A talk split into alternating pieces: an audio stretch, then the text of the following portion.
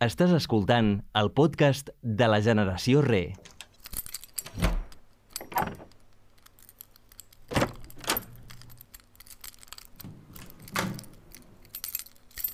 Soroll de claus, de panys que no s'han obert mai més o de portes que es van tancar a poc a poc i que encara avui en dia doncs, eh, grinyolen una mica. Aquestes claus formen part d'una peça de l'exposició temporal Generació Re al Museu de la Vida Rural, a l'Espluga de Francolí. Es tracta també d'una infografia, que és un recompte dels pobles deshabitats del Camp de Tarragona, documentats pel projecte Pobles Abandonats, eh, que de fet ha fet la Universitat Autònoma de Barcelona amb la coordinadora de Centre d'Estudis de Parla Catalana i l'Institut Ramon Montaner. L'art i la cultura al servei de la transformació social per fer-nos reflexionar i generar canvis. Anna Maria Andevert, déu nhi quin munt de claus que veu trobar per poder fer aquesta posada en escena. Sí, més n'haguéssim trobat, eh? Vam haver de parar perquè ens costava gairebé trobar les claus en aquesta instal·lació que tu has presentat com una peça artística, que m'agrada molt que la presentis com a tal, però realment va ser un missatge que vam intentar fer l'Àlex i jo, l'Àlex Rebollo, l'altre comissari i jo, cap a la gent, intentant eh, no, que quedés clar que hi ha un buidatge rural eh, molt, molt intens i el volíem presentar d'una manera poètica, però que realment eh, no, no som artistes, tant ni l'Àlex com jo, i al final va sortir aquesta peça que tothom frape molt, que és aquesta instal·lació de, de claus de panys que van ser abandonats. El podcast de la generació Re, del Museu de la Vida Rural.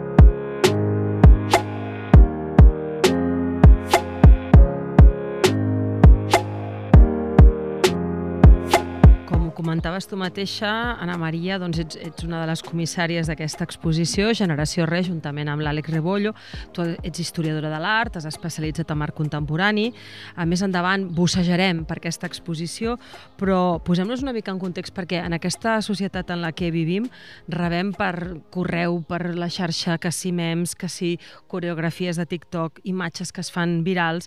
És una època amb molts impactes visuals, no tot pot ser considerat potser art, però és art popular també, uh, jo no sé si com a mínim una cosa que sí que es demostra és que ara podem crear des de qualsevol racó i, i qualsevol persona, gairebé és una democratització molt gran que pot tenir l'art.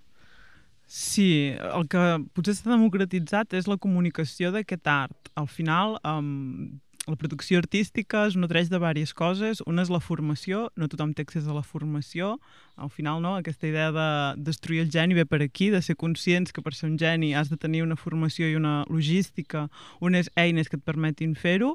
Llavors, d'una banda hi ha aquesta formació i d'altra banda hi ha tot allò que et nodreix no, com a artista. Um, sí, segurament ja hi entrarem després, no? sí que és cert que a vegades des dels espais rurals és més difícil accedir a aquesta formació i a aquests contactes i, i aquest món que es retroalimenta i fa que un creador o una creadora puguin seguir um, però a la vegada, com molt bé dius, internet ha fet que la comunicació de tot això sigui molt més fàcil, també es banalitzi i també sigui perillosa, com tot, no? que té la part bona i la part dolenta però sí que és cert que no només com la creació, sinó la, la difusió d'aquest art pot arribar a qualsevol lloc, no només a partir de museus, sinó per la xarxa, no?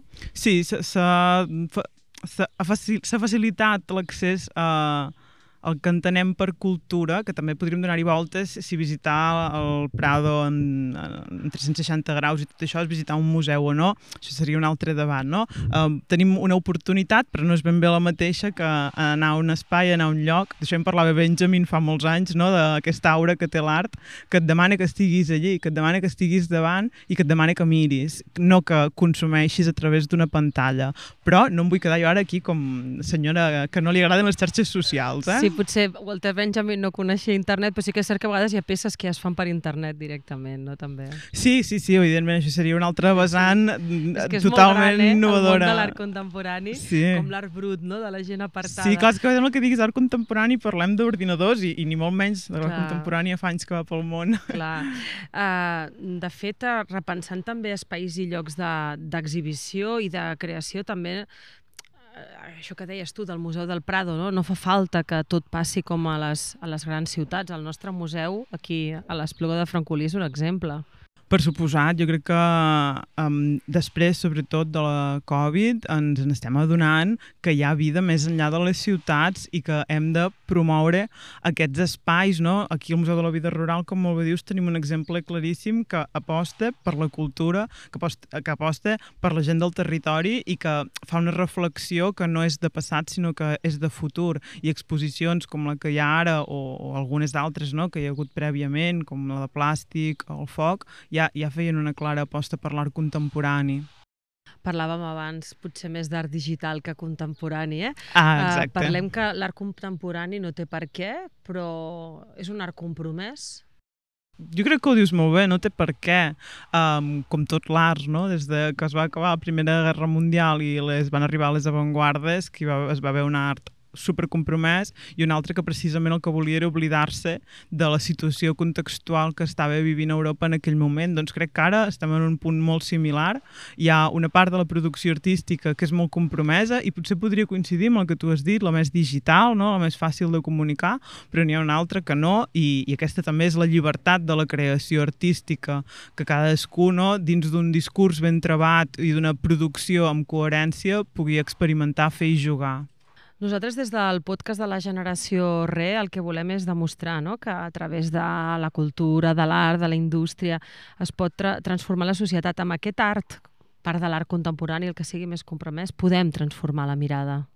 Sí, per suposat. Jo sempre he cregut, i per això també treballo en el que treballo, que l'art és una eina transformadora no només a nivell col·lectiu, sinó a nivell individual. No? Sempre que un o una espectadora estigui disposat a amarar-se de, del que l'art li ofereix, té una eina molt potent davant seu que cadascú utilitzarà com, com millor li vagi. Eh? Llavors, mm, anar a un museu, anar a un acte cultural, anar a un centre cívic, un centre cultural, és, jo diria gairebé un acte revolucionari. No? Uh, molta gent veu l'art contemporani concretament com quelcom elitista, però jo més aviat diria que és, és, és completament al contrari, és un acte revolucionari voler-te immiscuir en tot aquest espai. Anna Maria, tu sovint dius que està molt bé fer denúncia amb l'art, però també l'art ens ha de donar respostes i solucions, no només plantejar-nos preguntes. Sí, per suposat. Um, tot i que jo quan treballo um, dic molt que um, ens hem obstinat com a societat a buscar uh, respostes sense tenir en compte les preguntes, sí que és veritat que l'art també t'ha de donar respostes algunes vegades o en el moment en què tu t'interessi i si parlem d'art compromès, com dèiem abans, si parlem de centres que estan a la perifèria, si parlem d'art contemporani, doncs uh, a vegades encara anem més perduts, llavors afegir preguntes a les preguntes pot acabar sent una fatiga per la persona que està en un museu o, o que vol entrar-hi, no?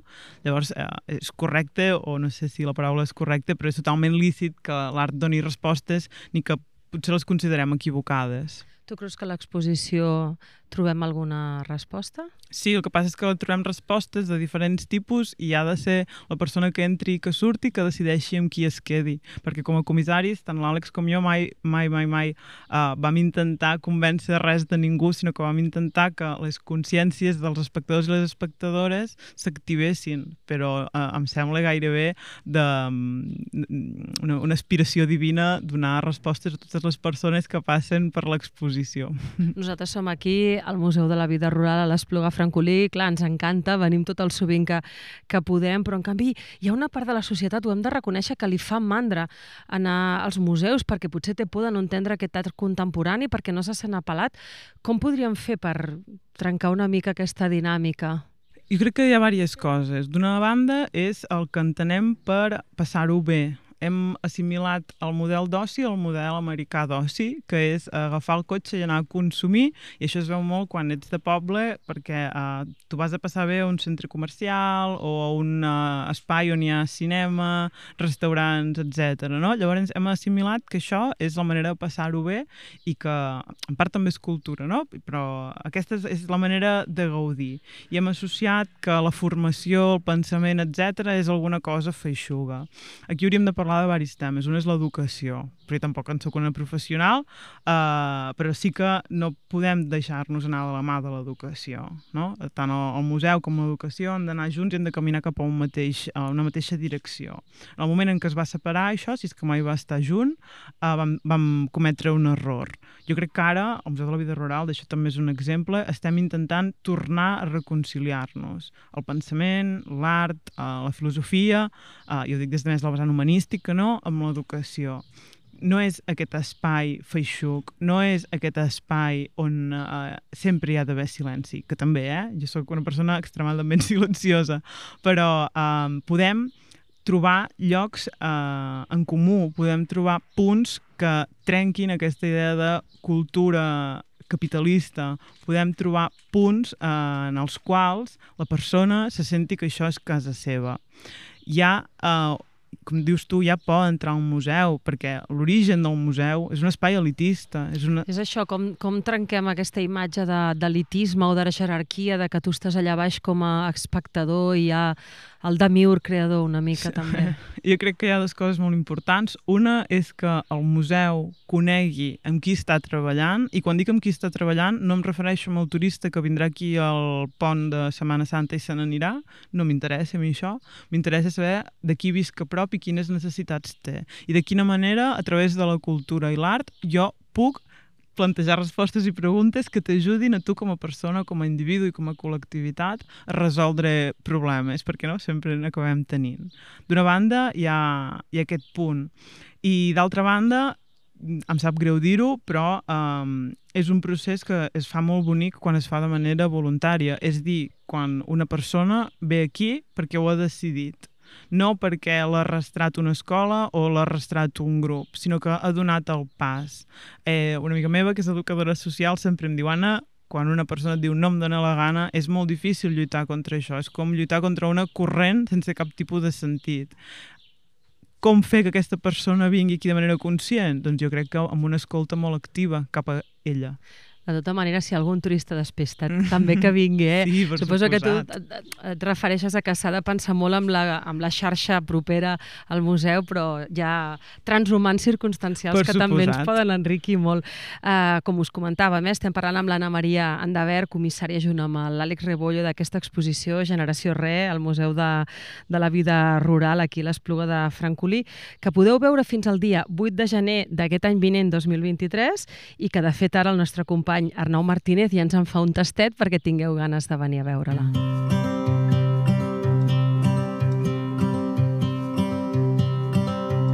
L'arrencaceps és la peça que dona la benvinguda a l'exposició Generació Re, Continuïtat o Canvi. Una eina de grans dimensions que va ser imprescindible per erradicar la filoxera de la vinya a finals del segle XIX. És una estructura amb quatre potes de fusta i amb una cadena que, lligada als ceps, servia per arrencar-los d'arrel i poder plantar una vinya nova més resilient l'escriptor i periodista Joan Maria Espinàs va quedar impressionat en veure el funcionament d'aquesta gran eina. Ho descrivia així al llibre A peu pel Priorat.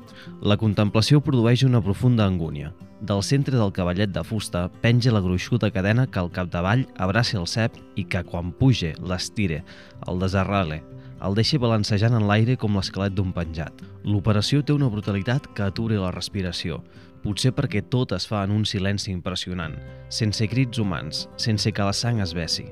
Només se sent el grinyol de la cadena, curt i repetit.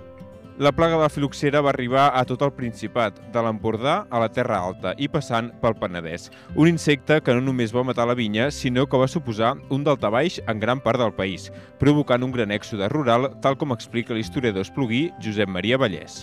Va resultar que durant el, la filoxera a França, aquí vam tenir doncs, la febre d'or, no? Vull dir, a partir de 1880 i tants, eh, el, el vi puja de preu horrorosament i la gent doncs, eh, fa molts diners.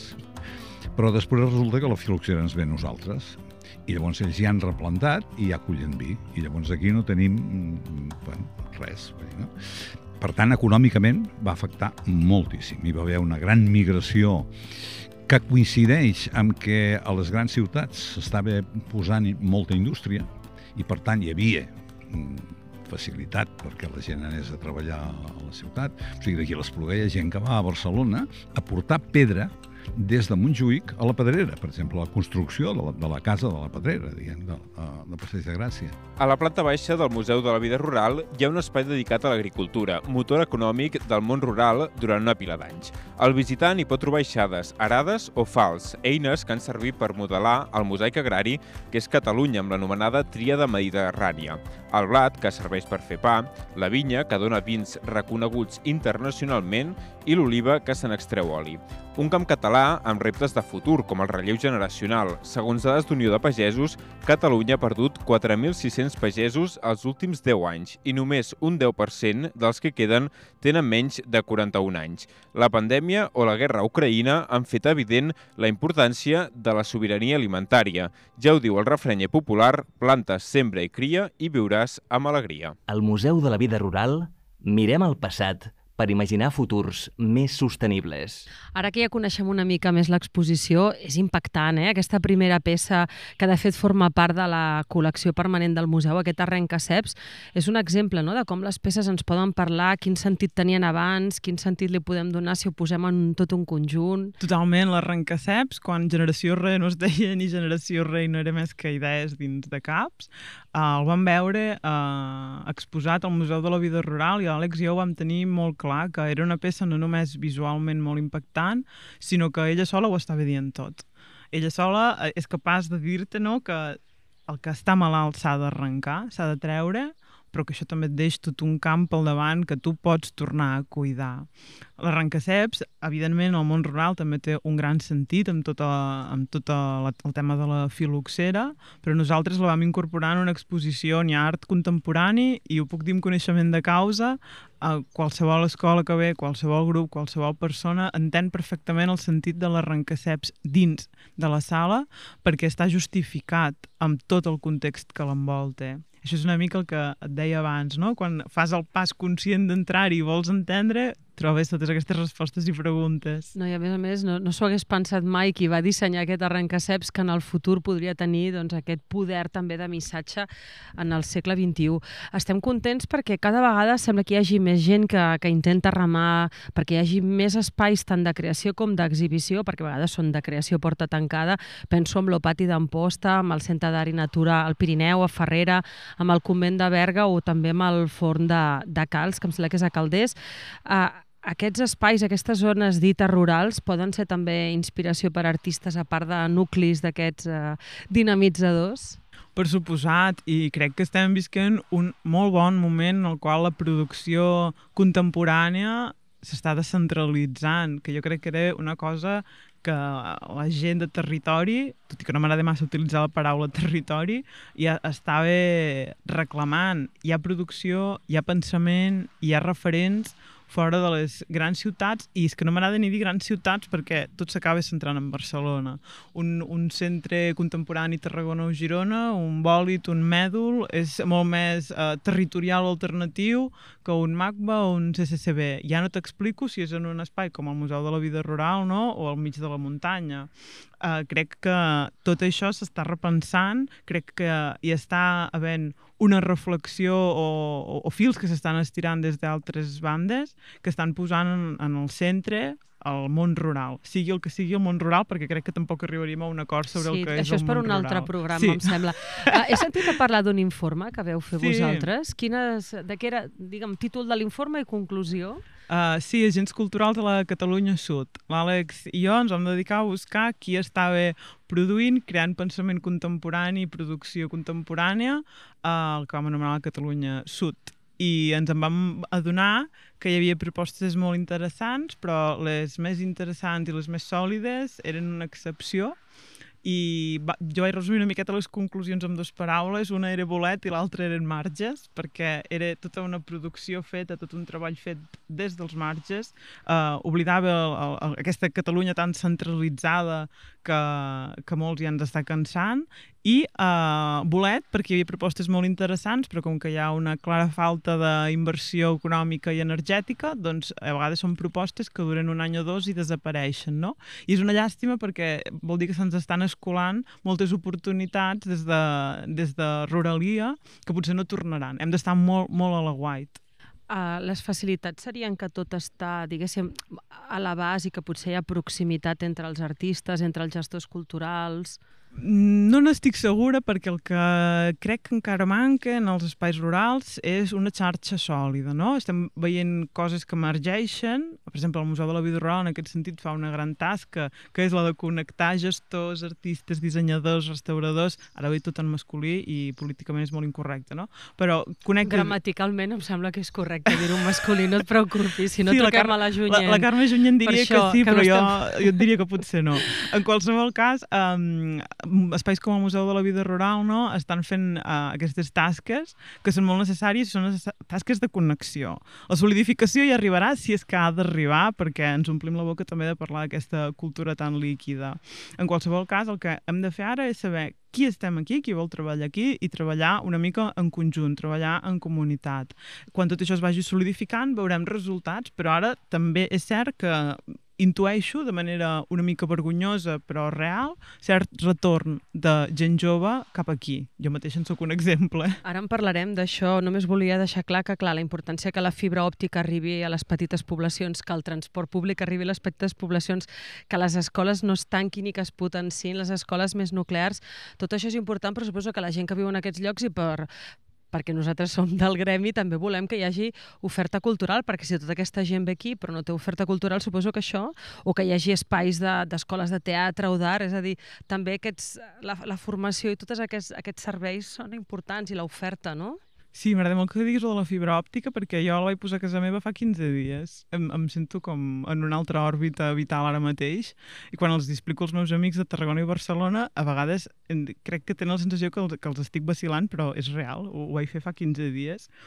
Jo crec que també hi ha una cosa a dir i és que, o sigui, hem de tenir en compte que l'oferta cultural que t'oferirà una ciutat gran no te l'oferirà mai un poble i no ha de ser així, perquè no hi ha les mateixes necessitats ni els mateixos recursos ni el, ni el mateix públic. Llavors, hem de mm, fer créixer, hem d'alimentar, hem de consolidar eh, el, el pensament, l'oferta cultural des dels pobles? Sí. Hem d'emmirallar-nos en les ciutats? No no hi ha les mateixes necessitats, no hi ha els mateixos recursos, no hi ha els mateixos creadors i um, diria inclús que, que seria um, tirar-nos pedres al terrat i intentar fer això. La generació Re és aquella que té ganes de canvi. Aquest és el podcast de la generació re, aquella que vol, a partir de mil mons com la cultura i la indústria, però avui sobretot amb l'art, transformar les mirades. Justament estem amb l'Anna Maria Endever, que ets de Blancafort, has estat estudiant a Madrid, vivint a Tarragona molts anys i has decidit tornar a, a la Conca. És a dir, tu ets un exemple d'aquesta generació que nosaltres estem parlant, no? de la que retorna. Com ha estat l'experiència, a part de la fibra òptica, que només fa 15 dies que la tens? Doncs molt positiva. Va, va iniciar-se també en aquest moment Covid, també en parlem a l'exposició d'això, en aquest moment en què paro, penso i veig que no sóc conseqüent amb el que dic i faig amb, i, no, i amb la meva manera de viure, i com dius, després de molts anys vivint a Tarragona, estudiant a Madrid, la meva parella és de Barcelona, amb post també, evidentment, doncs vaig fer aquest retorn a, a Blancafort i està sent molt, molt, molt, molt més positiu de tot el que jo hagués pogut imaginar i projectar i m'estic adonant que aquí hi ha una xarxa, com et deia abans, que està viva, que s'està movent i que espero que consolidem en els propers anys. Tu estaves com connectada amb Tòquio, París, Londres i ara connectes amb altres coses. Sí, sí, clar. Però segueixes connectada. Sí, clar, jo soc ja d'aquesta generació de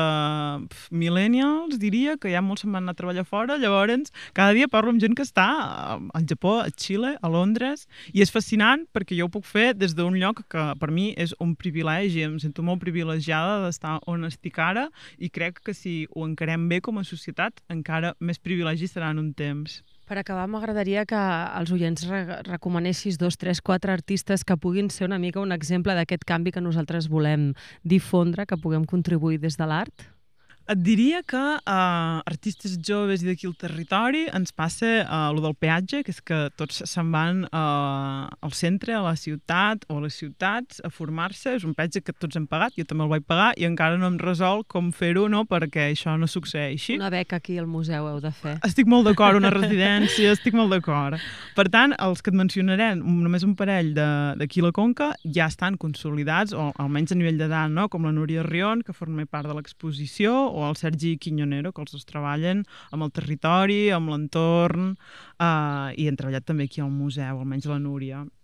Et diria també, eh, si ens posem a la ciutat, no vull descartar ningú, gent com la Paula Bruna està posant en el centre temes com la sostenibilitat i el territori, que no el medi rural, a vegades ho associem i ho fem indivisible, però no és sempre així.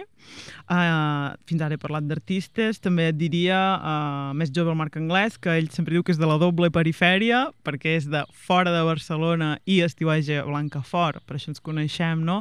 Eh, que és també com la perifèria de la ciutat, i aquest concepte de doble perifèria trobo que el diu i és molt encertat, sempre viure de les perifèries.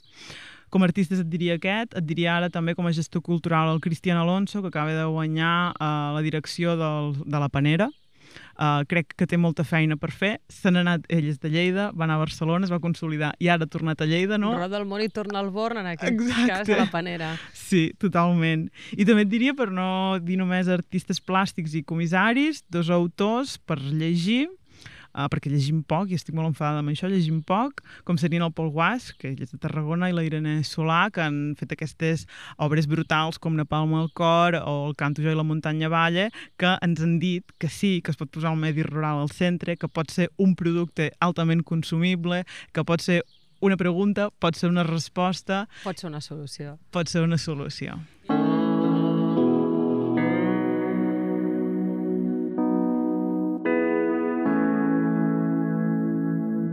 Maria Endever, moltíssimes gràcies i nosaltres doncs, contents d'estar aquí al Museu de la Vida Rural perquè l'experiència eh, de l'art avui ja no es troba en aquelles supergrans sales silencioses dels grans museus de les grans capitals.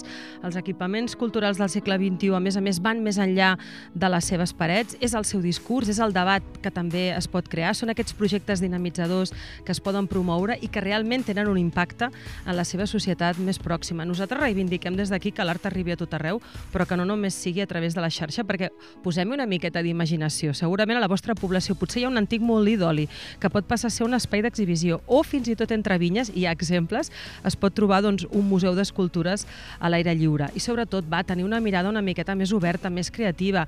Creem comunitat i canvi social a partir d'aquests centres i d'aquests esdeveniments eh, culturals com el Museu de la Vida Rural. Ai, pels artistes, els artistes penseu que art i territori, això no és cap novetat, perquè si no ja em direu per què Van Gogh i Gauguin, en comptes de quedar-se a París, van preferir la Provença i la Polinèsia. Apa, som-hi! Fins la pròxima! Generació Re és el podcast del Museu de la Vida Rural de la Fundació Carulla. Presentat per Txell Bonet, Arnau Martínez a la coordinació, producció i guió, Roger Oden a la producció executiva i Albert Grinyó a l'edició audiovisual.